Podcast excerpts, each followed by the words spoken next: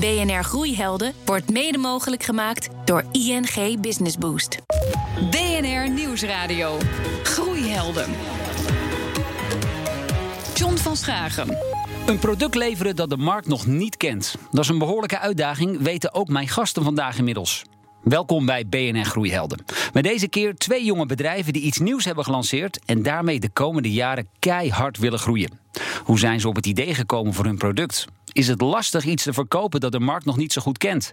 Ja, en welke tips hebben zij voor andere jonge ondernemers die misschien nog niet zo ver zijn als zij? En dit zijn de groeihelden van deze week. Deze week. Je moet er maar opkomen. Een online platform waarop nabestaanden alle abonnementen en accounts van hun overleden dierbaren netjes kunnen afhandelen. Mijn eerste gast lanceerde het concept twee jaar geleden op de markt.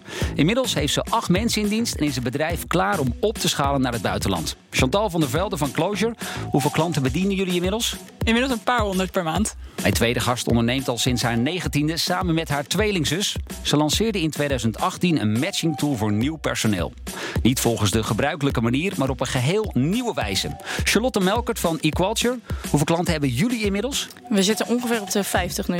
Nou, welkom allebei. Goed dat jullie er zijn. Chantal, om even met jou te beginnen. Uh, ja, laat ik maar eens even starten met de vraag die zo ongeveer elke investeerder al snel stelt. Welk probleem los jij op? Ja, jaarlijks uh, overlijden ongeveer 150.000 mensen in Nederland. En na een overlijden moet er enorm veel geregeld worden. Uh, nou is het zo natuurlijk dat de uitvaartondernemer vaak rondom de uitvaart heel veel praktische zaken uit handen neemt. Maar na de uitvaart sta je als nabestaande eigenlijk daar helemaal alleen voor. En uh, nou, een grote last die dan ontstaat is het informeren van alle organisaties. zoals banken, verzekeraars, gas, water, licht, telecom, maar ook social media bijvoorbeeld. dus eigenlijk alle abonnementen en accounts die, die de overledene heeft. Ja, en nabestaanden, die moeten daar iets mee. Precies, ja. Dus die moet je vaak beëindigen of je wil eventueel een contractovername uh, doen. Nou, daar hebben wij uh, Closure voor uh, opgericht. Dus het is een online platform waar je als nabestaande eigenlijk alle organisaties alleen maar hoeft te selecteren. Eenmaal je gegevens hoeft in te vullen en wij nemen eigenlijk de rest allemaal uit handen. Dus wij doen de volledige communicatie met organisaties en zorgen ervoor dat je zeker weet dat alles is afgerond. En jullie hebben ook echt contacten met ja, de KPN's van deze wereld, de OV-chipkaarten, de grote internetproviders en dergelijke? Ja, dat klopt. Ja.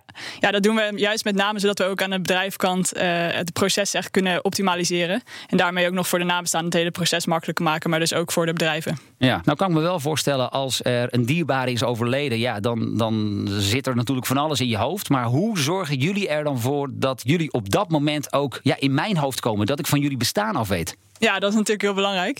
Uh, daarvoor werken we met name samen met uitvaartondernemers. Ah, ja, dus zij realiseren zich ook dat dit uh, een groot pro probleem is bij nabestaanden. En ze vinden het belangrijk, de meesten in ieder geval, vinden het belangrijk om niet alleen tijdens de uitvaart te ondersteunen, maar ook nog het stuk daarnaast. Zodat je niet echt in zo'n zwart gat valt, wat uh, voorheen vaak het geval was.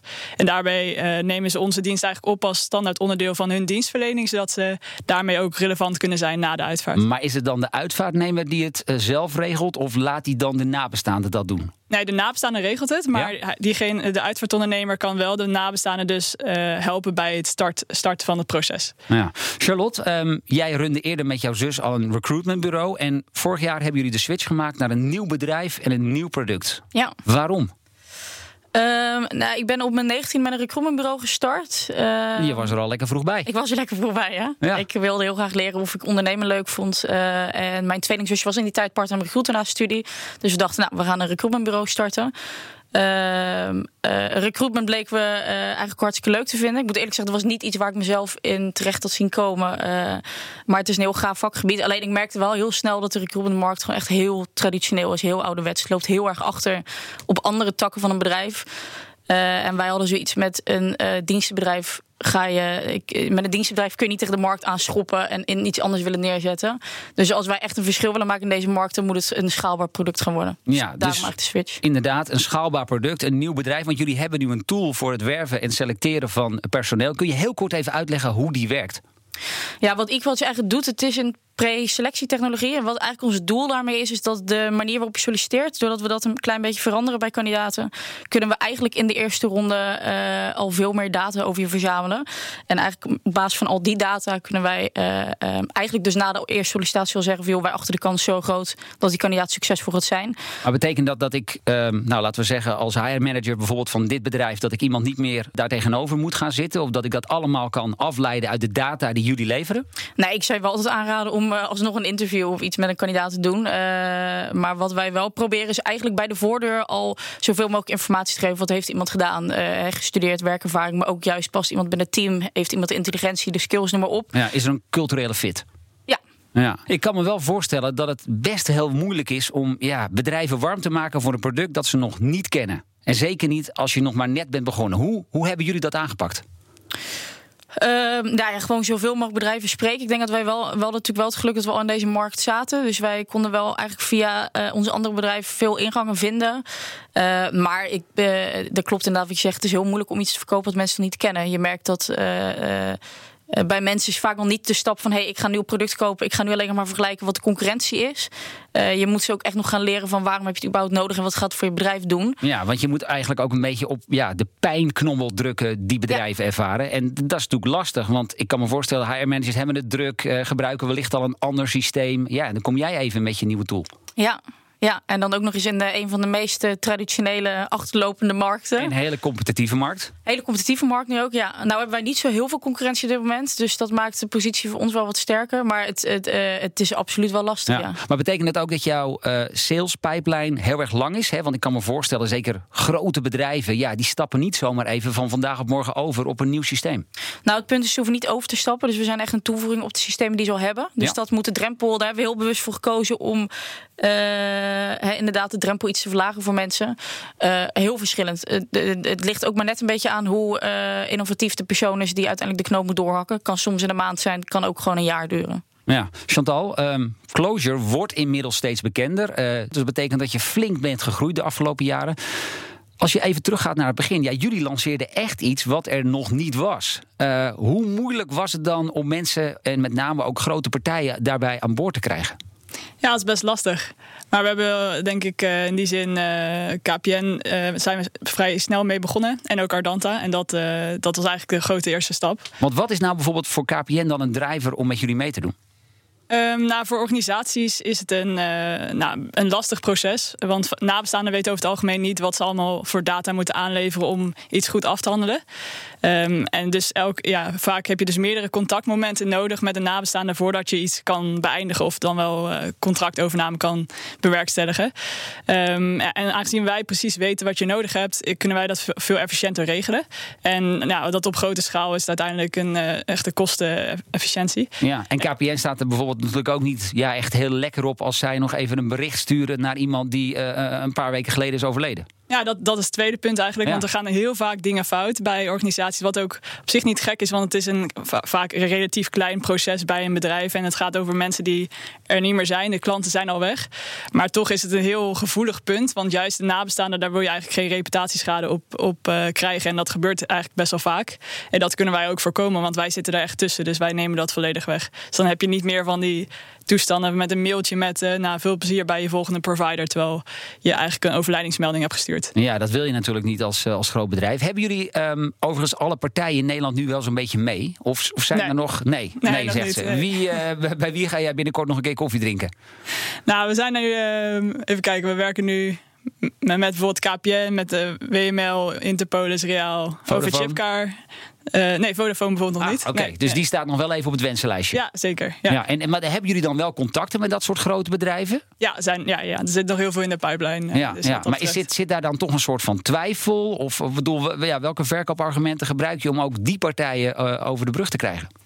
Ja, het is toch vaak een kip-ei verhaal, denk ik. Want je, uiteindelijk moet je veel nabestaanden hebben om uh, misschien relevant te maken voor bedrijven. Maar daarin uh, zien we nu wel dat het echt een omslagpunt begint te komen. Ja, 300 per maand vind ik op zich al, dan krijg je wel aardig tractie. Precies, ja. ja. En ook zeker omdat er nu steeds meer uitvaartondernemers uh, ja, realiseren dat het wel echt iets is wat steeds belangrijker wordt. ook met digitalisering ehm, wordt dat volume alleen maar hoger. Dus dan op een gegeven moment verwachten we wel dat de bedrijven ook aanhaken. Ja. Hey Charlotte, jullie hebben je bij de uitrol van jullie producten in eerste instantie vooral gericht op startups en scale-ups, hè? Ja. Waarom die salesstrategie gevolgd? Uh, de sales cycle is daar gewoon een stuk korter. Je zit daar vaak meteen met een founder aan tafel. Wel grappig, ik luister toevallig één aflevering terug voor jullie. Dat was met uh, een van de oprichters van OneUp. Die hebben jullie een tijdje geleden gehad. Ja. Je merkt gewoon dat uh, founders hakken naar de knopen door. Zijn startups en scale-ups zijn meer gewillig om, om innovatie uit te proberen. Vinden het leuk, willen ook innovatie uitstralen. Dat doe je met ons product. Uh, dus, en, en het is ook iets minder erg als er een foutje wordt gemaakt. Dus het is natuurlijk ook niet onbelangrijk. Nieuwe technologie, dat gaat niet altijd goed. Ja. Uh, het is wel heel pijnlijk als het bij een hele grote corporate gebeurt, waardoor je honderden sollicitanten raakt. Uh, maar hoe irritant is dat voor jou? Want ik bedoel, jij steekt ziel en zaligheid in dit product. En ja, dan moet je inderdaad soms nog concluderen dat iets niet goed werkt. En dan belt zo'n klant die zegt: hey, ik druk hier op de knop en, en, en, er gebeurt niks. Ja, dat is in het begin heel frustrerend geweest. Vooral ook omdat ik, ik heb geen achtergrond in, uh, in IT of iets. Dus ik wist echt tot een jaar geleden had ik echt geen idee wat we überhaupt aan het bouwen waren. dat weet ik nu iets beter, gelukkig. maar goed, ja, natuurlijk, dat is vervelend. maar het gebeurt gewoon. Het is gewoon part of the deal. Als je een techbedrijf hebt, dan weet je gewoon dat het af en toe... Uh, het kan niet heel de dag goed gaan. BNR Nieuwsradio. Groeihelden. Chantal van der Velde is medeoprichter van Closure. Zij is vandaag mijn gast, net als Charlotte Melkert van het bedrijf eQualture.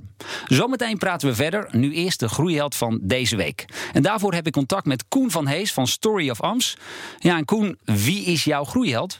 Mijn groeiheld is Gary Vaynerchuk. Um, ik denk dat hij niet heel bekend in Nederland is, maar Gary Vaynerchuk is ja, mijn, mijn grote held. Hij is een Amerikaanse serial entrepreneur. Uh, hij heeft momenteel een social media bureau wat hij binnen negen jaar uit heeft gebouwd tot 200 miljoen uh, revenue per jaar. Wat ik heel, uh, heel indrukwekkend vind. En wat ik vooral heel gaaf van hem vind is de marketingmethodologieën die hij deelt online en die ja, heel praktisch zijn en die dan wij ook binnen ons bedrijf toepassen. En heb je daar ook een concreet voorbeeld van?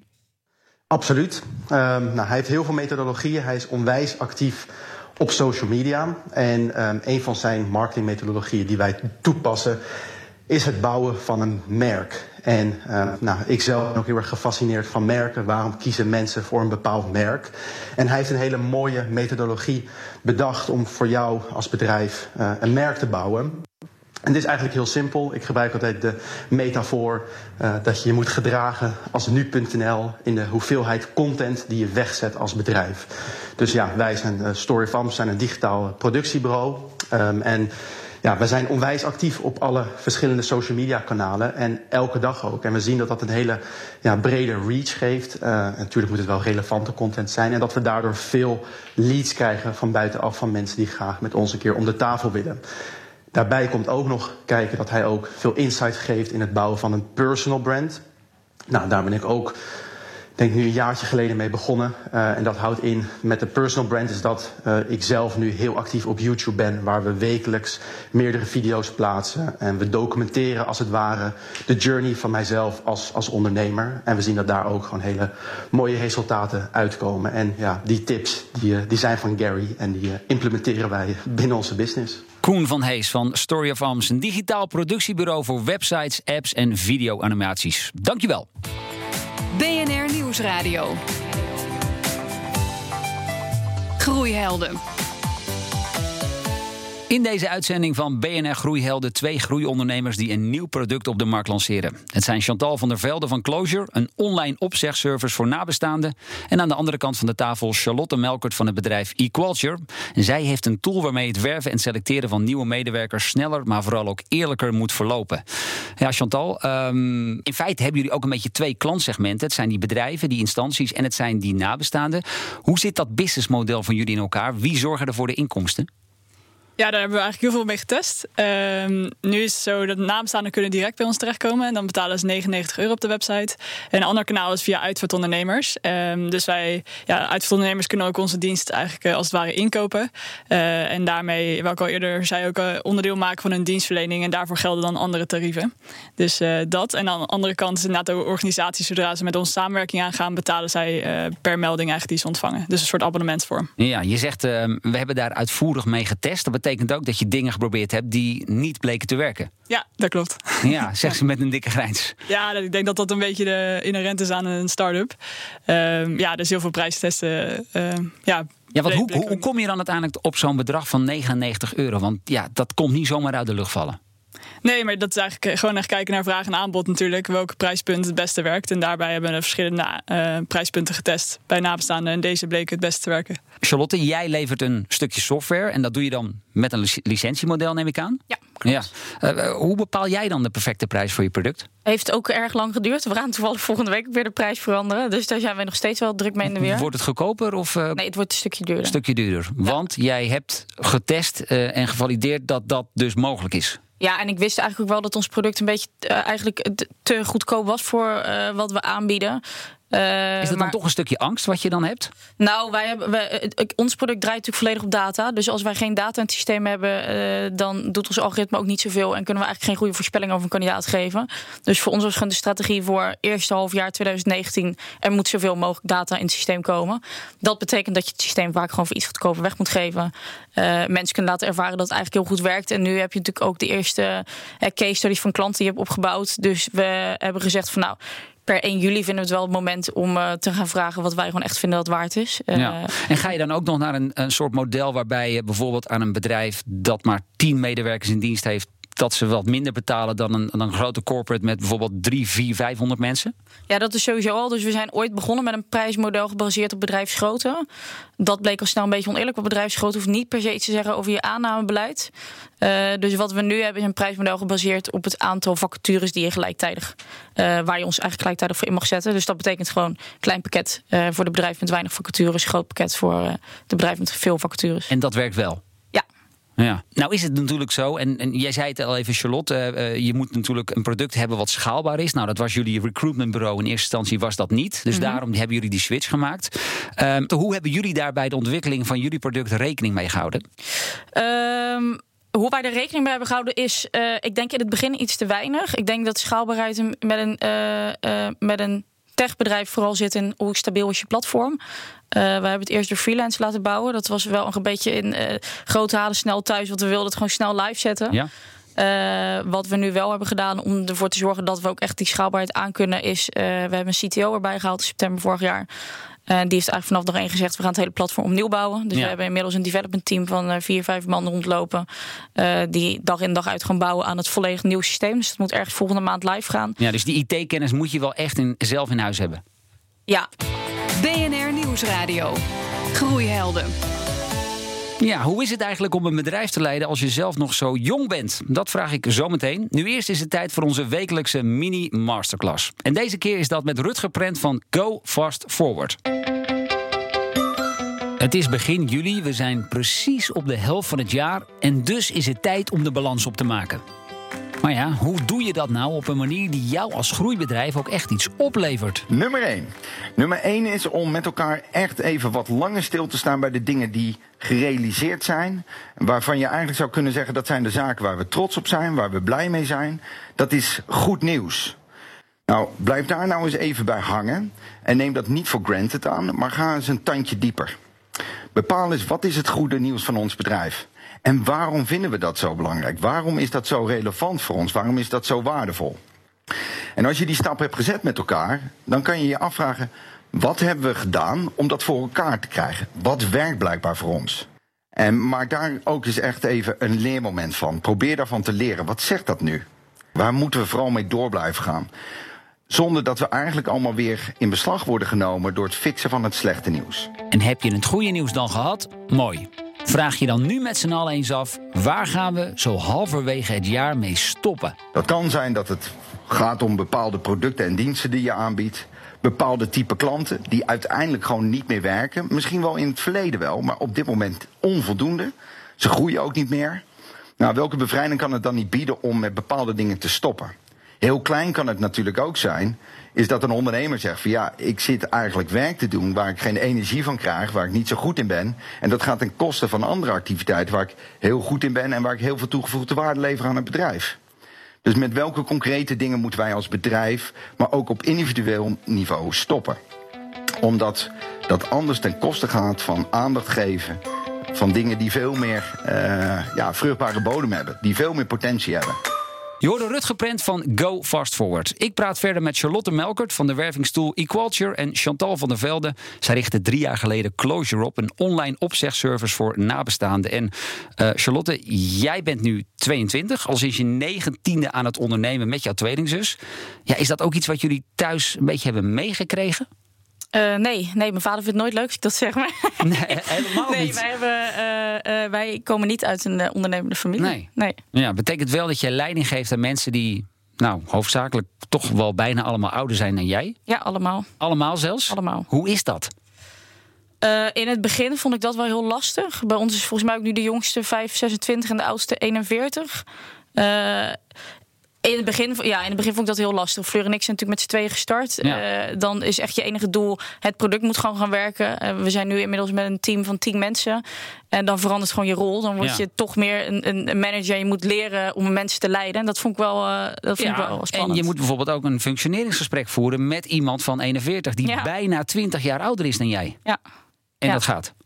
Dat gaat eigenlijk. Ik uh, heb wel het geluk dat ik allemaal uh, mensen in mijn team heb uh, die ons leeftijd gewoon vergeten. Dus ik word ook niet anders behandeld omdat ik jonger ben. Niet omdat ik nog nooit in loondienst bij een bedrijf heb gezeten. Als ik iets verkeerd doe, dan wordt het ook gewoon gezegd. dus ik heb wel het idee dat bij ons mensen dat op zich wel snel vergeten. Ja, Chantal, jij tikt volgens mij bijna de 30 aan, hè? Jouw compagnon ja. is, is 25. nou, eigenlijk ook nog vrij jong allebei dus. Ja, hoe is dat wanneer jij ja, bij grote bedrijven binnenwandelt om, om een deal te sluiten? Geloven ze ook meteen dat jij dan degene bent of dat jullie degene zijn die de tent runnen?